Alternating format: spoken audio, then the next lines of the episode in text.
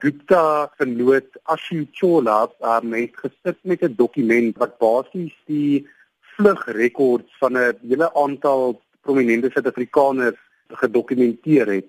Mense soos Trevor Manuel, Maria Ramos, EFF uh, leier Julius Malema en dan 'n rit uh, Suid-Afrikaanse sakelys soos die First Rand stigterslede Larry Dippenaar en GT Ferreira. En natuurlik vra op oor waarom die Gupta familie die wat hierdie mense dopgehou het en hulle beweging eintlik maar gevolg het. Die skrywer en ondersoekende joernalis Pieter Louw Meiburg sê hierdie groep mense wie se bewegings dopgehou is, het een ding in gemeen. Hulle word almal tot 'n mindere of meerdere mate beskou as vyande van die familie. So die vraag is nou waarom het die Gupta familie, jy weet hierdie mense se bewegings dopgehou? Dit is 'n klein bietjie onheilspellend die van hulle mense is wat teen die Gupta se korrupsie kapsie gemaak het.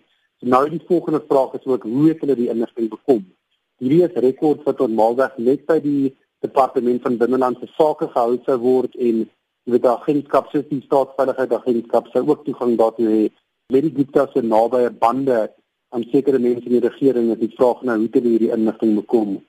Hy sê dis baie belangrik dat Suid-Afrikaners bewus gemaak word van die inligting in hierdie reeks eposse, omdat die meganismes wat deel vorm van die sogenaamde staatskaping nou aan die lig kom.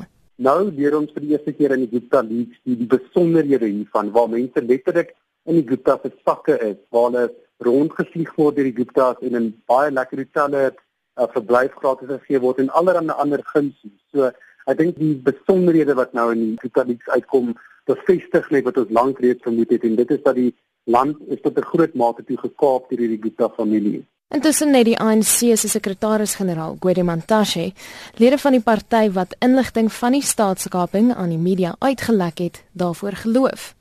Hy sê geregtelike ondersoek na die staatskaping moet so gou as moontlik van stapel gestuur word. We need this commission of inquiry quick, want to establish truth from facts. We are moving, what a step ahead. And I must say, comrade, there's nothing that makes me happy when comrades own up. I love that. Because it makes our life as a movement easy. Volgens Meiburg dra hierdie uitspraak van Mantashe by tot die kritiek wat die ANC se top 6 lewer teen die sogenaamde vennootskap tussen die Guptas en president Zuma.